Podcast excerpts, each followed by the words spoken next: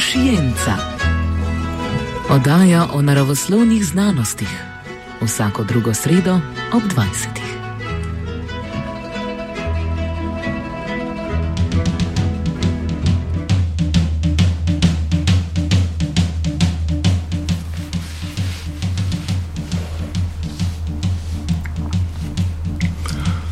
Dobrodošli v današnji oddaji, oddaji Frekvenca dela Šienca, eh, znanstvene medredakcije. Danes bo oddaja potekala malo drugače. Če ste morda do sedaj bili navajeni, da je bila vedno vnaprej pripravljena in prebrana, um, danes pa gre uh, v bistvu za pogovorno oddajo na tematiko biološkega in družbenega spola, torej uh, predvsem te povezave med njima. Zaradi tega, ker imamo eno gostjo iz tujine in sicer iz Amerike, bo celotna oddaja potekala v angleščini. Um, tako da bom jaz kar začel z um, uvodom in uh, od tega trenutka dalje bo vse v angleščini. So, today we're going to talk about the relationship between sex and gender, how the topic is dealt with in science, um, and the controversies surrounding um, the scientific um, approach to this topic. Um, as an introduction, one should understand that um, the should understand the, the sex gender question is really um, uh, at the battlefront of this uh, classical scientific question about nature versus nurture. So on one side we have the so-called biological determinists who are searching for absolute differences between the sexes and mostly argue that gender is prenatally determined, meaning in the womb before a person is born. And on the other side, we have the school of thought that is skeptical about such assumptions and say that the environment, meaning society and how we interact with it, plays a much more important role than biology. As we cannot isolate humans from their social environment to conduct, conduct experiments, Investigators, investigators in this field have to rely on so called quasi experiments, which are inherently imperfect and therefore a source of much debate um, in terms of how to interpret them, because they can be interpreted in many ways. But of course, the question is not just scientific. In fact, it is extremely political. Here we are not only talking about how we treat the, let's say, the LGBTQ plus community, though it is an important subject, but also about the position of women in society. Many leftist scholars, in fact, see the continuous search for innate differences in the male and female brain and their function as an attempt of legitimizing the patriarchal foundations of our society. We're not claiming that we will settle the dispute once and for all today in this one hour slot that we have, but still, why not talk about it? So, Joining us in the studio, we have um, Anne Fausto Sterling, a professor of biology and gender studies at Brown University. In her work, she applies dynamic systems theory from biology to gender development, which exposes the flawed ideas in the nature versus nurture debate. She is also an author of several books on the topic of sex and gender, one of which has also been translated to Slovenian and goes by the title Biološki družbeni spol. With us, we also have Gregor Majdic, a professor of uh, physiology at the veterinary school at the University of Ljubljana and the medical school at the University of Maribor. He works in the field of molecular molecular neuroendocrinol endocrinology, uh, with a primary focus on the development of brains and genitalia. On top of that, he's also a writer interested in the history of medicine and an enthusiastic traveler. um, at the end of the show, we will also accept um, calls, um, and it is just the usual number. So I'm just gonna tell it in Slovenian: 01242 88 nič nič in 01242 88 nič. Um, leading the conversation here uh, is going to be me, um, Attila from the scientific. Uh, department of the radio, and uh, my friend Antonia uh, from uh, uh Sector J, so Sector Red. um, so, can we hear you, Anne? Can you hear us? I can hear you. Okay, that's great. Um, so if you're um, all ready, we can start with the first Yes. question. Yes, the question is for you, Gregor, the first question. Thank you. So, one of the main ideas in neuroscience is that the gender identity of adult people is directly related to what happens in the womb during the development of the embryo. Is that correct? Uh, only partially. I have to correct here at the beginning in the introduction. Attila said that determinist claiming that everything is determined in the womb. That's completely wrong. Nobody Oh. claims that everything is determined in the womb. What we are claiming is that there is an interaction between nurture and nature. That there are some uh, specific characteristics of the brain that are developed in the womb or shortly after birth as an influence of steroid hormones working on the brain, sex steroid hormones, testosterone in males, estradiol in females. But of course, the nature, the upbringing, change this, a lot of these characteristics. So the brains are plastics; they can change throughout the life, not just in the adult people, but also later in life. So they can, under the external environmental influences, they can change a lot. So it's not completely predetermined, but uh, I, as a neuroscientist, believe that there are certain characteristics that we are born with them, but this can be then changed in one direction. And another very important issue here is that all sex differences not just in the brain but in other parts of the body like liver immune system. We know today that there are a lot of sex differences in different parts of the body. But these sex differences are not as uniform as when we talk about sexual organs. We know if somebody has a, male sexual organ he's a male. If he has uh, for example breast it's uh, usually a female. But with the sex differences in other organs including brain there is a big uh, spread of these differences. So we have a lot of different characteristics, and if we look at the large sample on one side, we will see preferably males. On one side, we will see preferably females. But with this particular characteristic that we study, we will also see uh, the group in between that will have similar characteristics in male and females, and therefore it is difficult sometimes to say whether this is, for example, male brain or female brain. So. Uh, all characteristics that we study in the brain, with exception perhaps with some small nuclei that are connected with the reproductive uh, function of our bodies, which is understandable. It's different in males and females, are uh, presenting like this. They're uh, a big spread of characteristics that could be.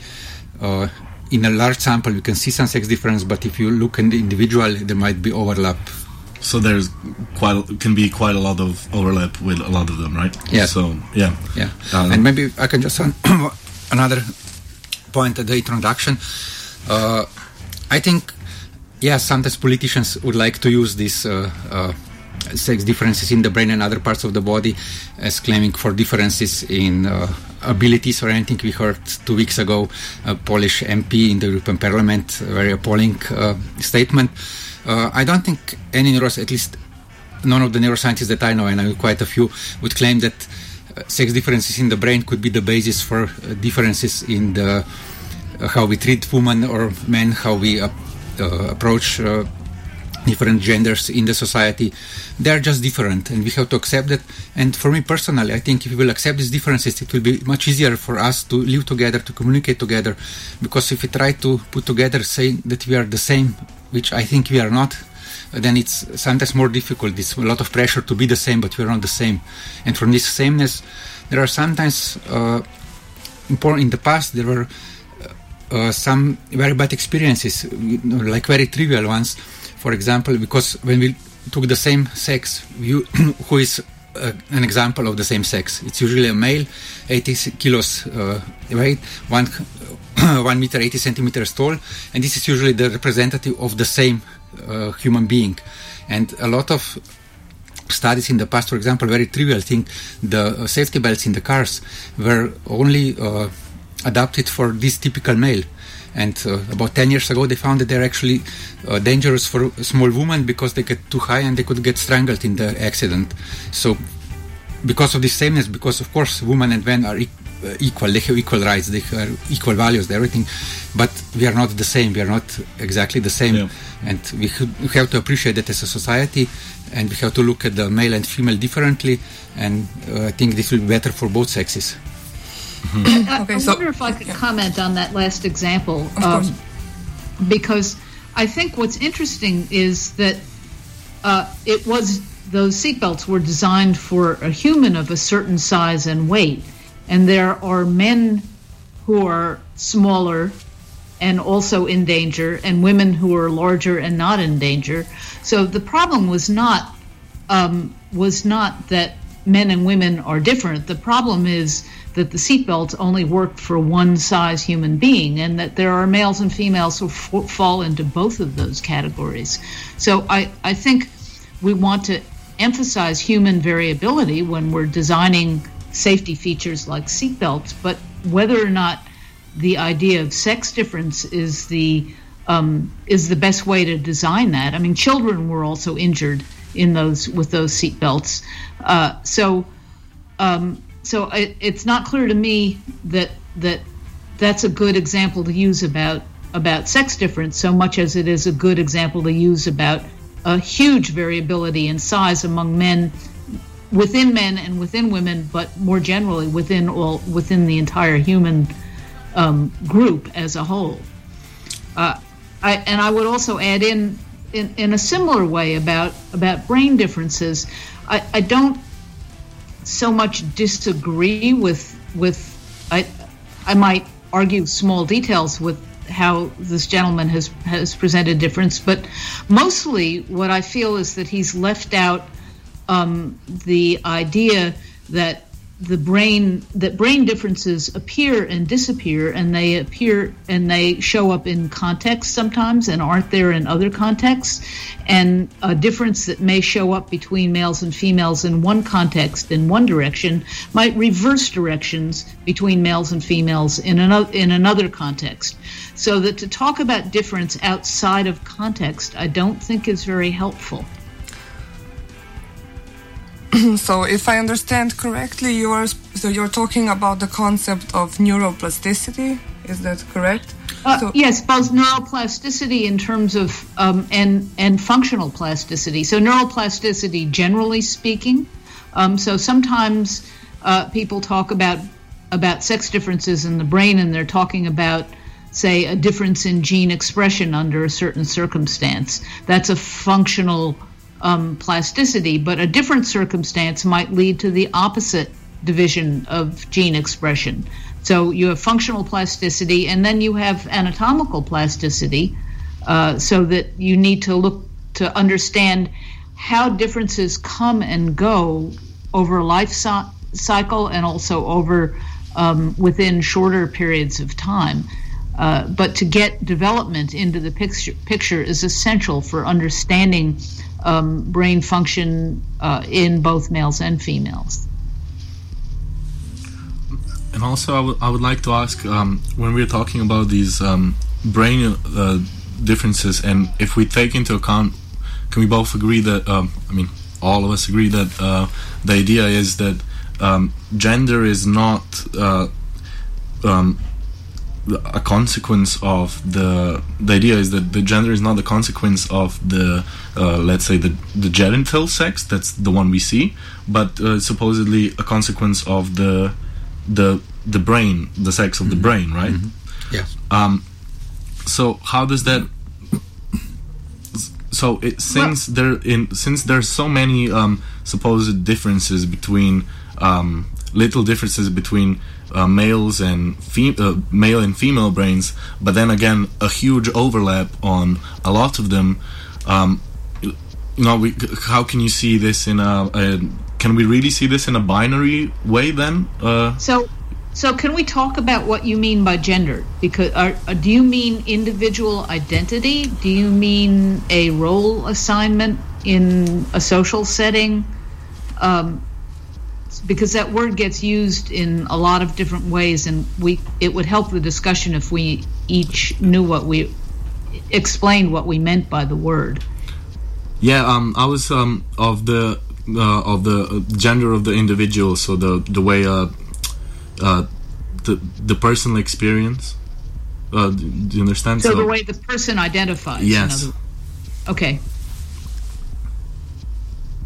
So I, think identity. I mean the the the um, the kind of standard way of thinking about where gender comes from is to think about it as emerging from what gets called sex at many different levels. So it's not that it's just in the brain. It's the brain, after all, uh, works off of the rest of the body. So there's body image, there's internal genitalia, there's hormones, there's external, that is social response to an individual, and the individual's working of the brain. So you you ha- have to think in terms of six or seven different systems, some of which are inside the body, some of which are outside the body, some of which are in the brain, some of which are elsewhere of the body, and they work dynamically together to produce gender identity. Mm-hmm. Yes, I agree with that. Nothing to add. Um, okay, so what, what what would exactly be then the the the the connection between the how one experiences gender and the the the so-called the brain that he has? And have, it, have there any been any studies uh, correlating these two, and if is that even possible to show that way?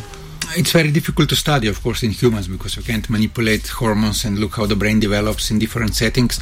But there are some pathological conditions where we get uh, inappropriate exposure to steroid, sex steroid hormones for the se- for the biological sex. Females getting too much testosterone, males getting too little testosterone, and in some of these cases there are uh, quite a few studies with uh, girls experiencing too much testosterone because of uh, congenital adrenal hyperplasia condition, uh, when the adrenal gland doesn't function properly and secrete too much testosterone.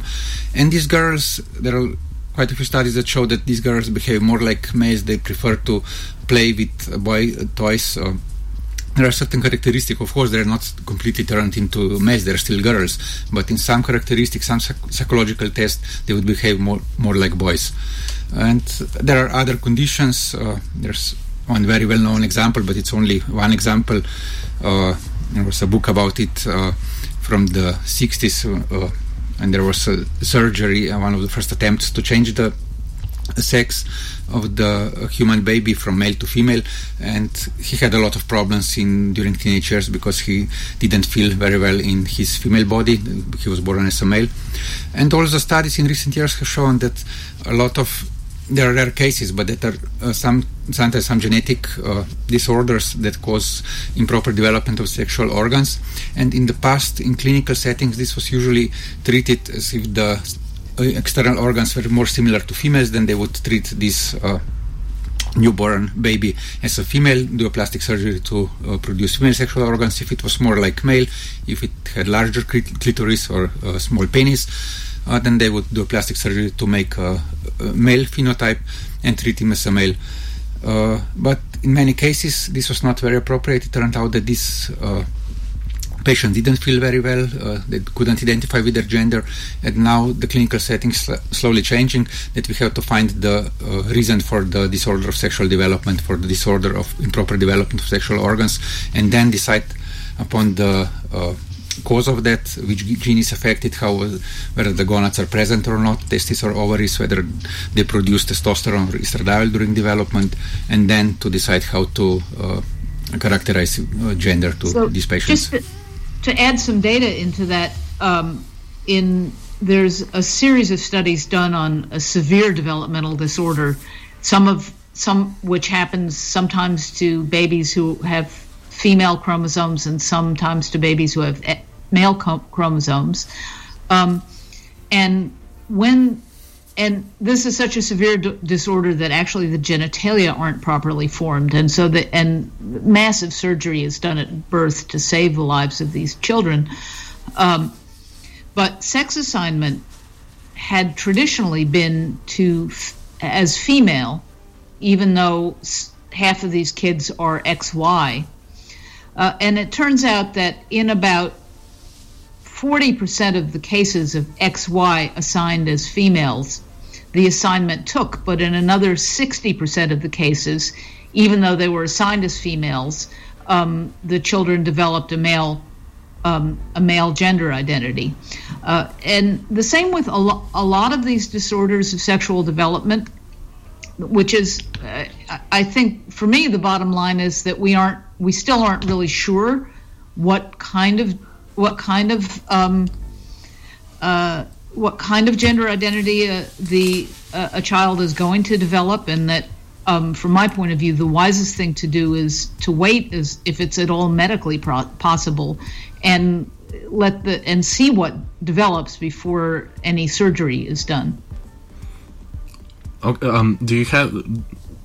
Do you maybe know um, how long does it usually take till until? Um, um, has there been cases where these, um, let's say, intersex children uh, did have the opportunity to wait until a certain time and then decide their uh, There- uh, sex there on are- their own? Yes, there there are there are examples of that, and it's and um, it, the studies I've been doing of uh, the sort of timeline for gender identity formation is that it begins to become apparent uh, when there are no medical complications, just in normal development.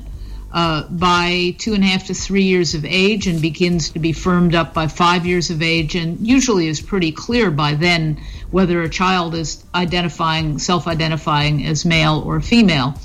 Um, with kids who have uh, disorders of sexual development, that timeline is sometimes delayed. Um, so, in the case of the congenital adrenal hyperplasia that was just discussed, I mean, these kids are these XX individuals are born, but often with very masculinized genitalia.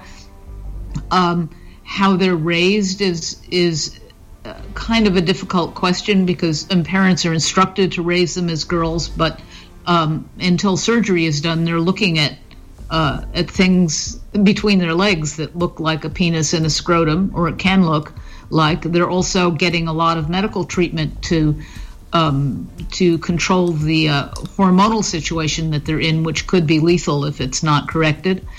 Uh, so it's just all of the inputs are not clear, and with these kids, sometimes their gender identity development is delayed a few years. Uh huh. Okay. Um. So, uh. Oh yeah. Um. We're gonna have a. Sorry.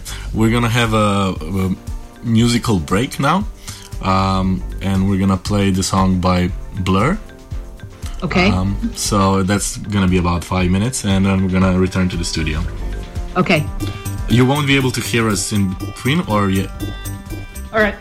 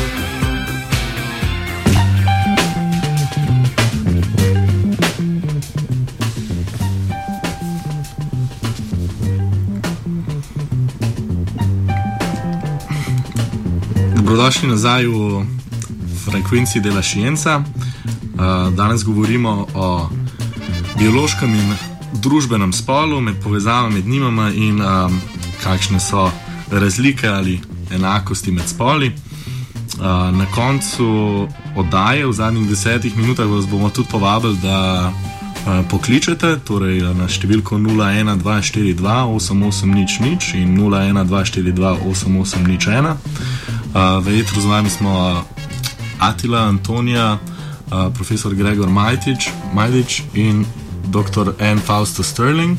Are you still here, Anne? I am. Okay, great.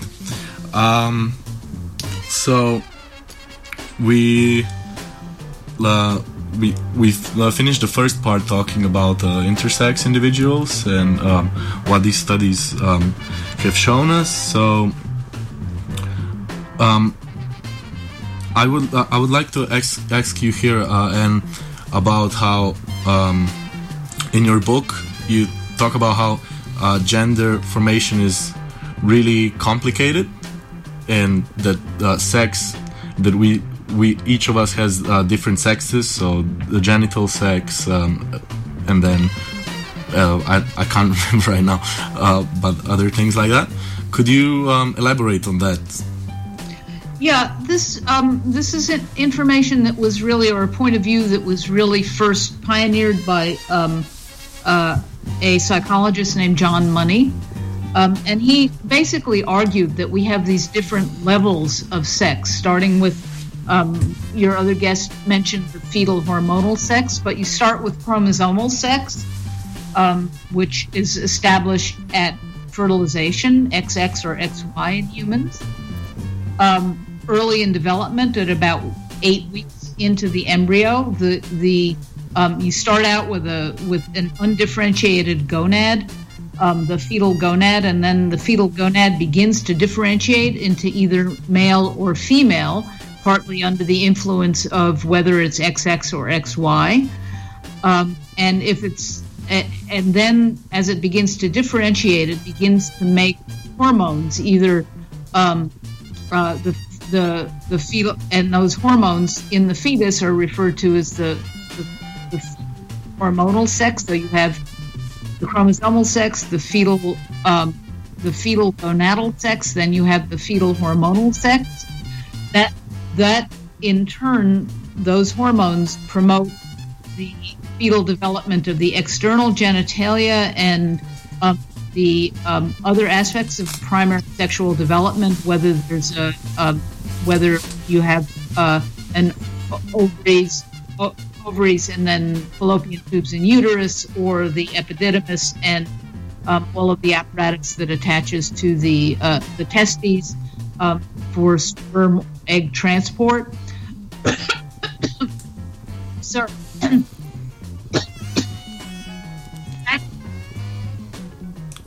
um. Sorry it's interrupting a bit um,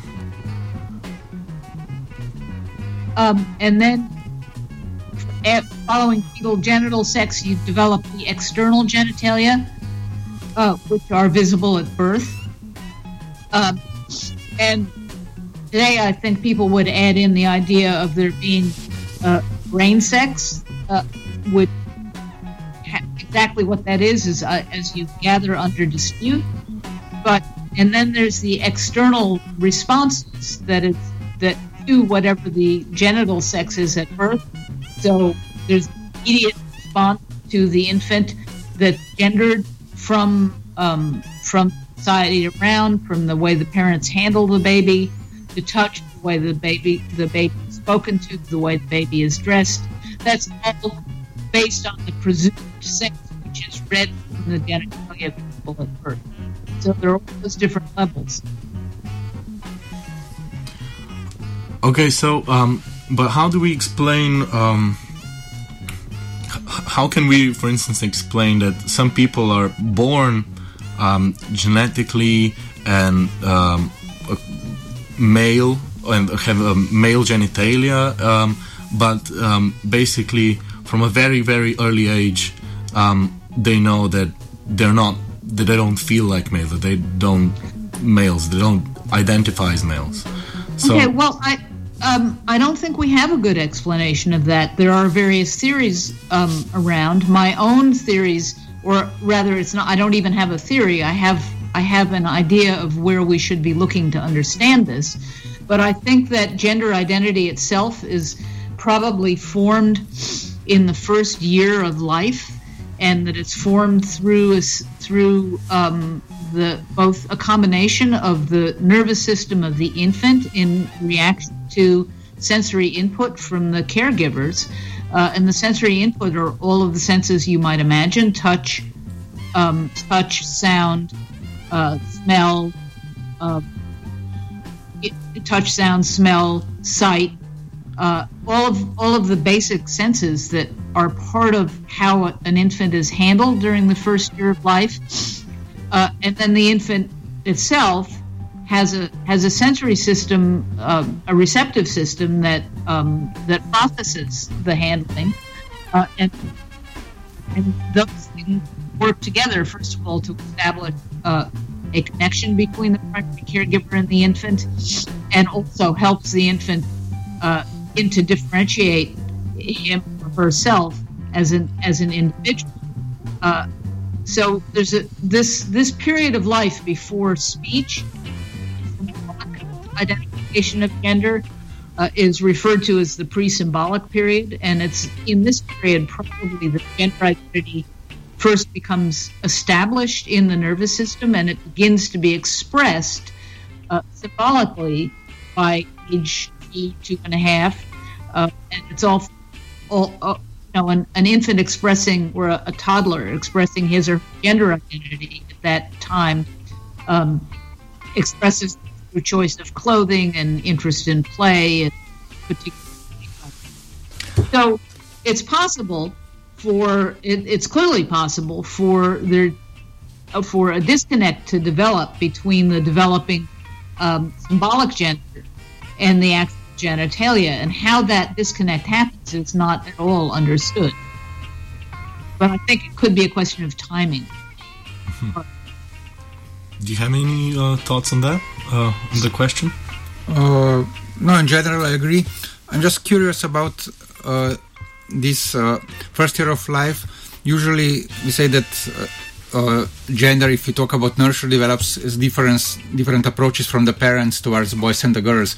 But I believe in the first year of life, we really don't do that much differences. It, in the first well, months, actually, I, I, have, I, have, one daughter and I had one son, and yes, of course, you behave differently when they start to walk, when they start to dress, when you start to play.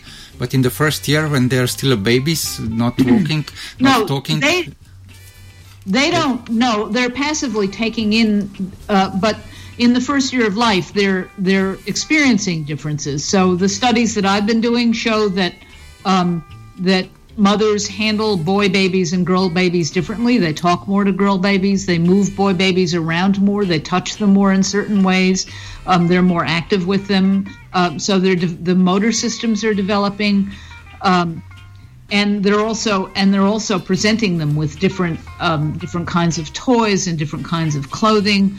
Um, this is before the infant has any choice in the matter, but the infant is registering registering these differences and also registering gender in the adult world into his his or her nervous system in this time period.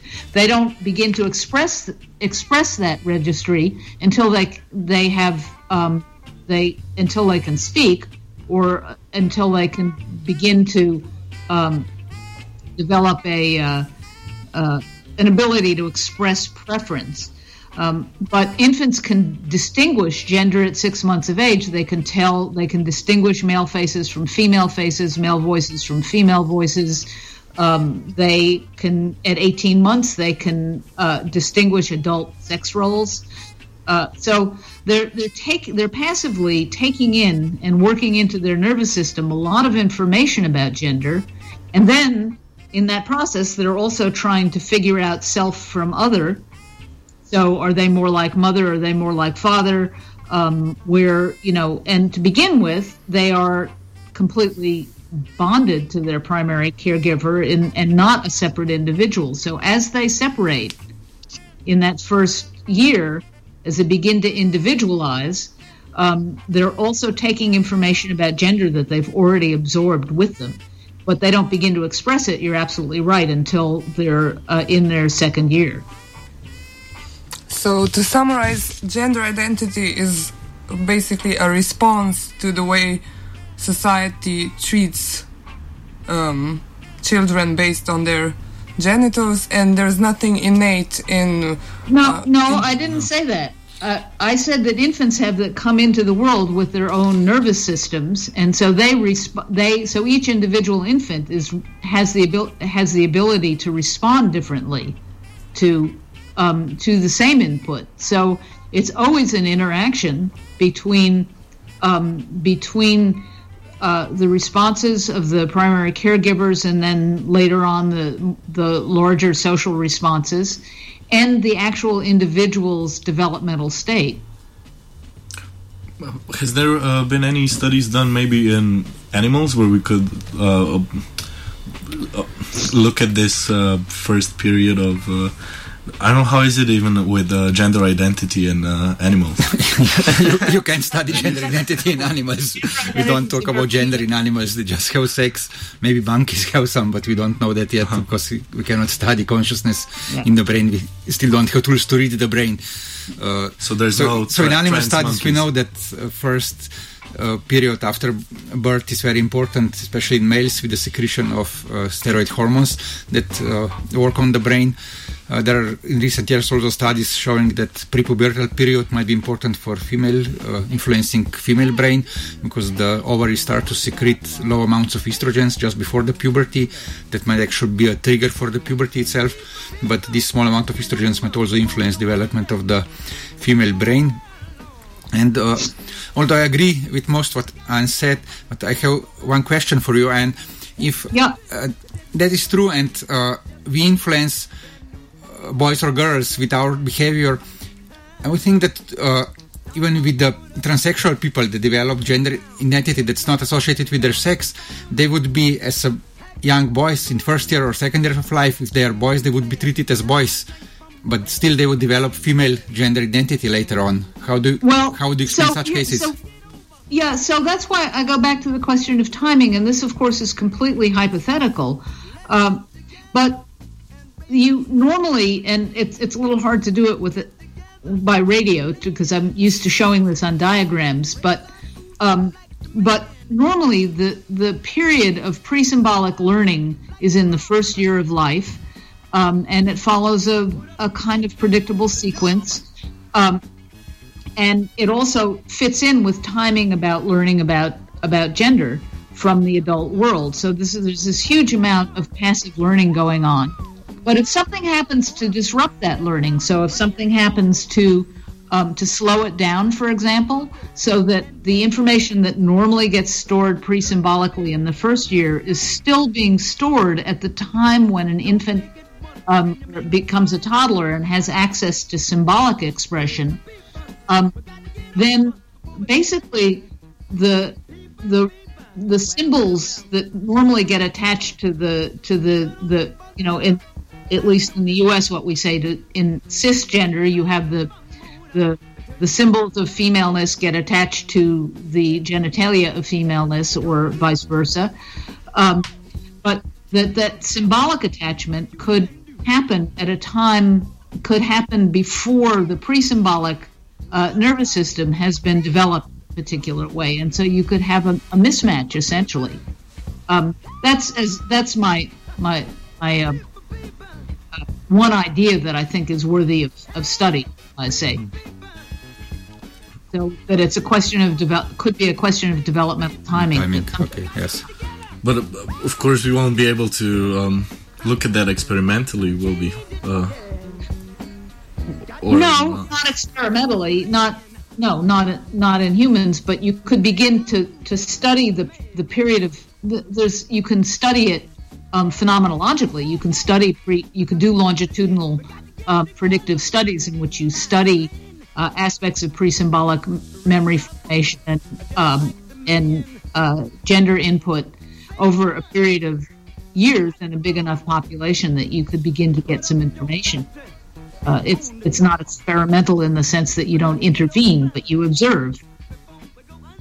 what's happened is that traditionally people have not observed that first year of life. They've just written it off, say, well, babies don't have a memory. That's clearly not true. Infants have a good good memory. Um, it's hard to access what's going on with the baby because they don't talk. Uh, so you just sort of ignore it.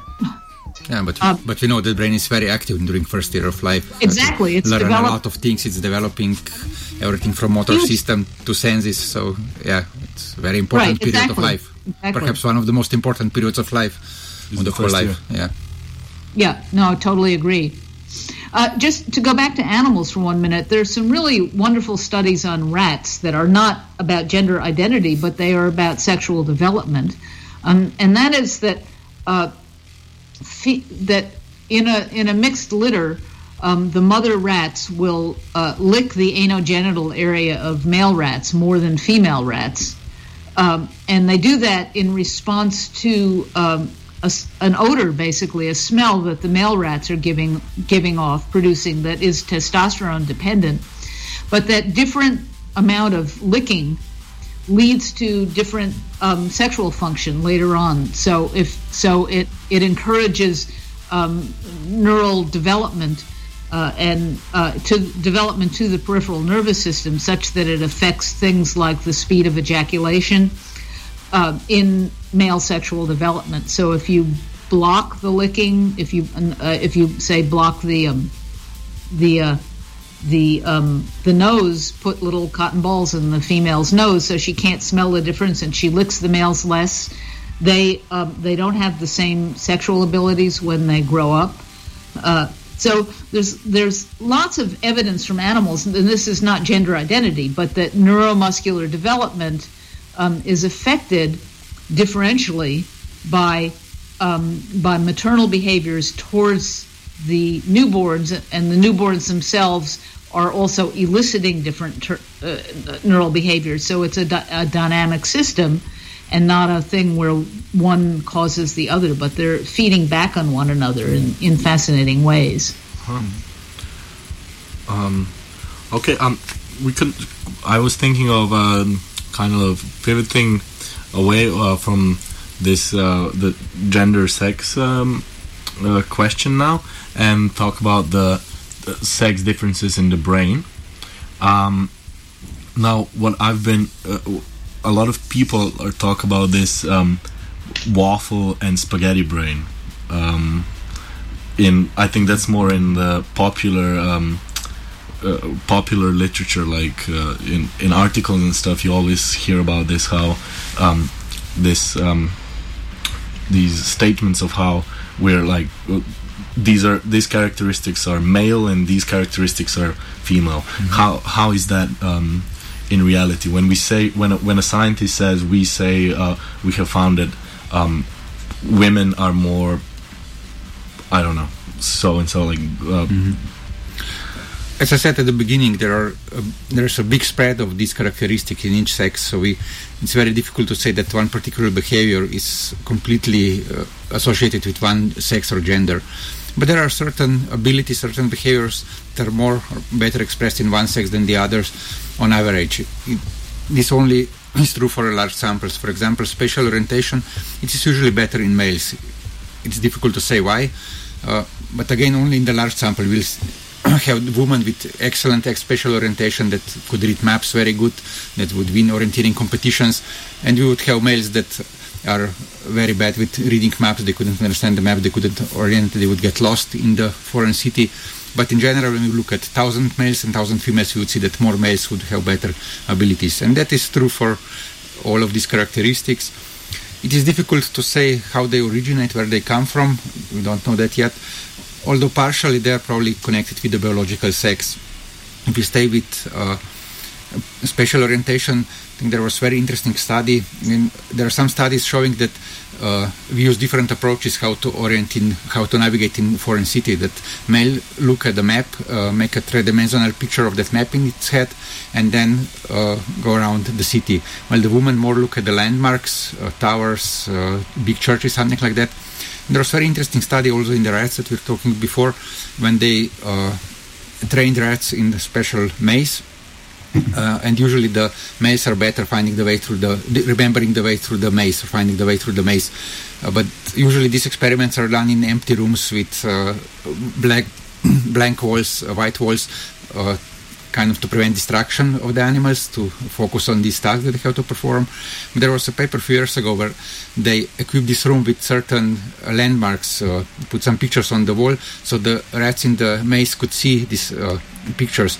And when the room was equipped like that, the female rats were as good uh, finding the way through the maze as male rats.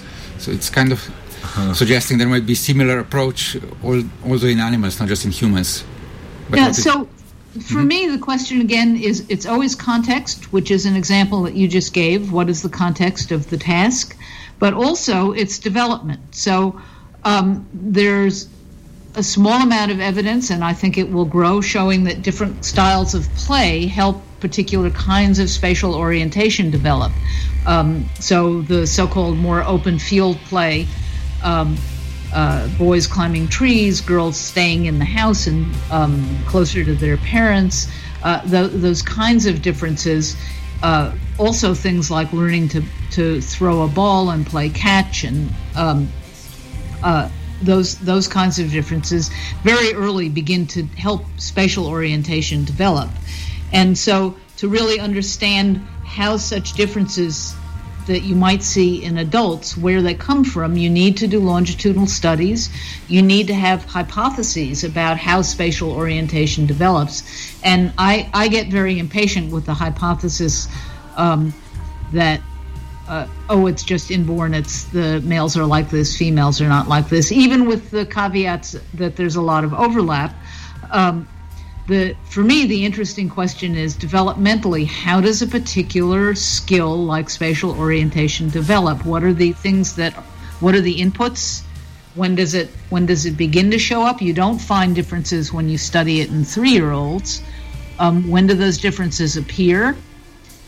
What are the different um, play patterns before their appearance? Can do are the differences um, made greater or lesser by different by the same kinds or different kinds of play patterns? What are the things that contribute to it? Uh, for me, that um, that's and again, I'm a developmentalist. I want to know where things came from, what what it was like before they existed, and then how they come into existence. Uh, so to study a 20 year old or a 30 year old groups and say there are differences, for me, that's the beginning of the question and then I want to read back and find out how those differences got came to be. Of course, because you can always say that it's because the way they were um, raised to a certain extent. Yeah. Um, Yeah. Um, Al- al- although anecdotally, my boy, uh, my son is 10 years old and he's very good at reading maps, but but the girl who's not as good at reading maps always climbed more the trees, uh, ran more around on the garden. So, but I know it's just That's a. It's very not a small scientific. sample size. yeah. yeah. Um, uh, yeah, um, just to interrupt. Um, so, if you want to ask any of our guests um, whatever you like um, related to the topic, obviously, um, you can call on 01 242 8800 ali pa 01 242 8801. Bom še enkrat ponovil 01 242 8800 ali 01 242 8801. Um, uh, when I was uh, preparing for this um, talk, um, uh, I read some of the papers, and I, I was always interested. Um, I've always found it funny how um, funny, but I I can't really understand the the studies done on play patterns and uh, toy preference, because for me it is uh, just really weird that um, uh, that we say that uh, that a small boy would biologically know that a car is meant to be is associated with males in the real world you know? Um, so w- w- but still these studies exist right? When they put uh, children in and they say so girls like pots and um, Yeah. uh, g- girly things and then boys like cars and hammers. Yeah, and it's very difficult to do these studies because, as science said, we influence our kids from very early on. We behave towards them differently, although I think maybe less in first year. But she, uh, I would wouldn't argue with Anne that we don't behave differently toward uh, boys and girls in first year. So it's very difficult to really separate here nurture and biology. Uh, but for me, there are interesting studies done in monkeys. Uh, there are two similar studies, one done in UK uh, and one in US, where they looked at the play preference in uh, monkey offspring, and they found that the females prefer uh, plush toys, some uh, like small monkeys, and the boy monkeys prefer something with the wheels, something they could run around. and this was the same result in two different species of monkeys in two different labs, and this for me does suggest that there might be some difference, some biological basis for this. But of course, there is certainly also cultural input, and I hear I, I think this is getting even a bigger problem in today's society with consumer society. When I was a kid, we had one set of skis for boys and for girls. So I got my skis from my sister when she uh, grew higher. Now the producers are making blue skis and pink skis. They make blue bikes and pink skies, uh, trying to sell more so you wouldn't use the same set of skis or same bike for the boy and for girl if you have two kids or more kids of different sex. So with that, we are even more uh, propagating these differences that are perhaps not really existing. Some of them. yeah, I'd agree with that last point. That there seem that commercially we seem very invested in in trying to have separate toys for each type of child, um, and that that's new compared to 50 years ago uh, that it's much more accentuated now. It's part of the sales, um, the sales apparatus for toy stores to have a special girls shelf and a special boys shelf.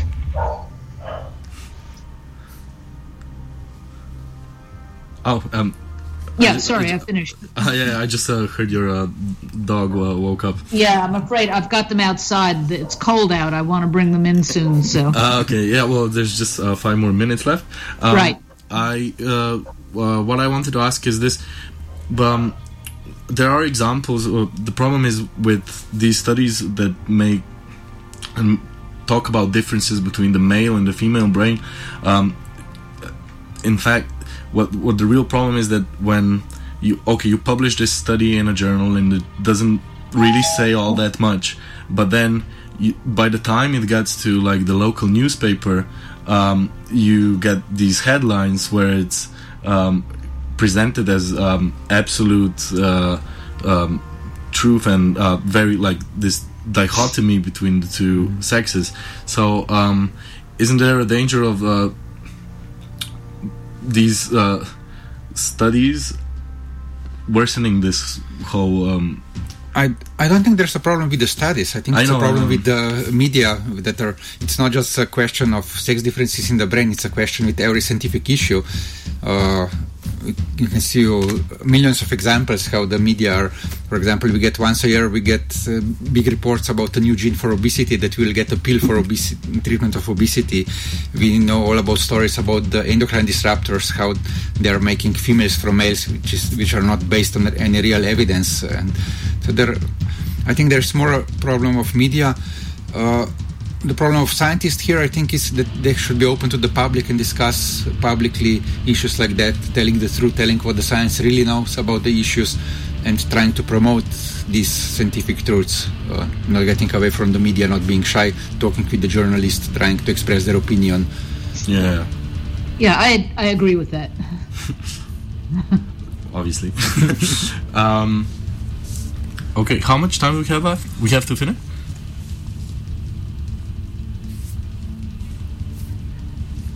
Um, I guess we don't have enough time for another question. So and this was a good point to conclude. Yeah, it was a good, uh, uh, more communication of science, which uh, is something we're doing now. So yeah, that's great. Um, yes, exactly. Uh, thank you very much for uh, joining us here, uh, Anne. Um, it's welcome. been a pleasure to have you here. Uh, Thank I you. wish we had more time so we could discuss more topics. Um, so yeah, well, um, well, great show. Thank you so much. Thank you. Um, yeah, um, also to you, it was a Thank pleasure you. having you here. Um, it's much more likely we're gonna have you around again for something else here since uh, you live in the neighborhood. um, and uh, yeah, that's all from us, really. I think. So um, let's listen to another song, right? Yeah, we can put another song for the end. Um, uh, thanks uh, to the listeners for listening, and uh, goodbye. See you next time. Goodbye. Okay. Goodbye. Bye.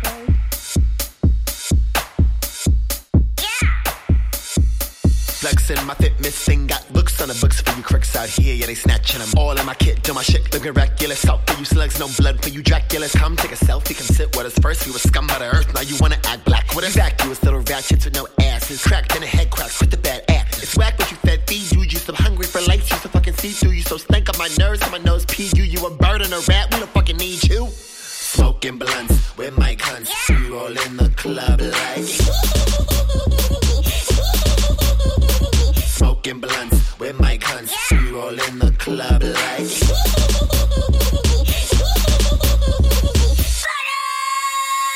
Fuck them, give them hell, bitch. It's a lockdown, ain't no bail. Chick acting stuck up, keep that stale shit. Pretty city kitty with a gel tip. I'm a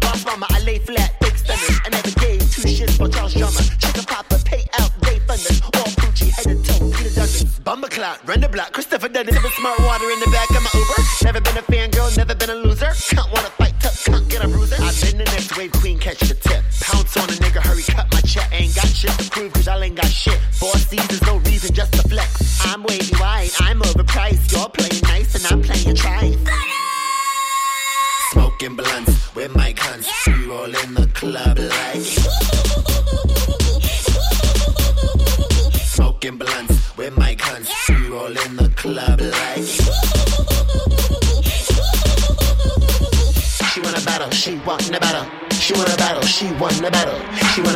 she won the battle. She won the battle, she won the battle.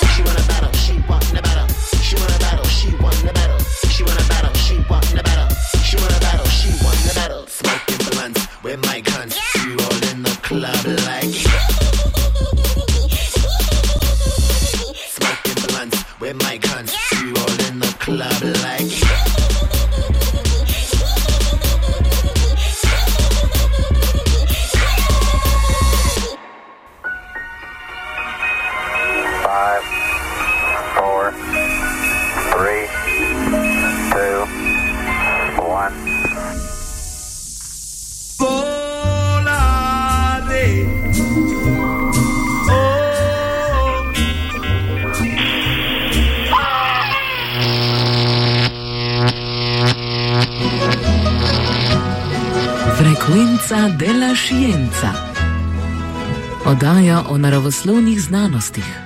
Vsako drugo sredo ob 20.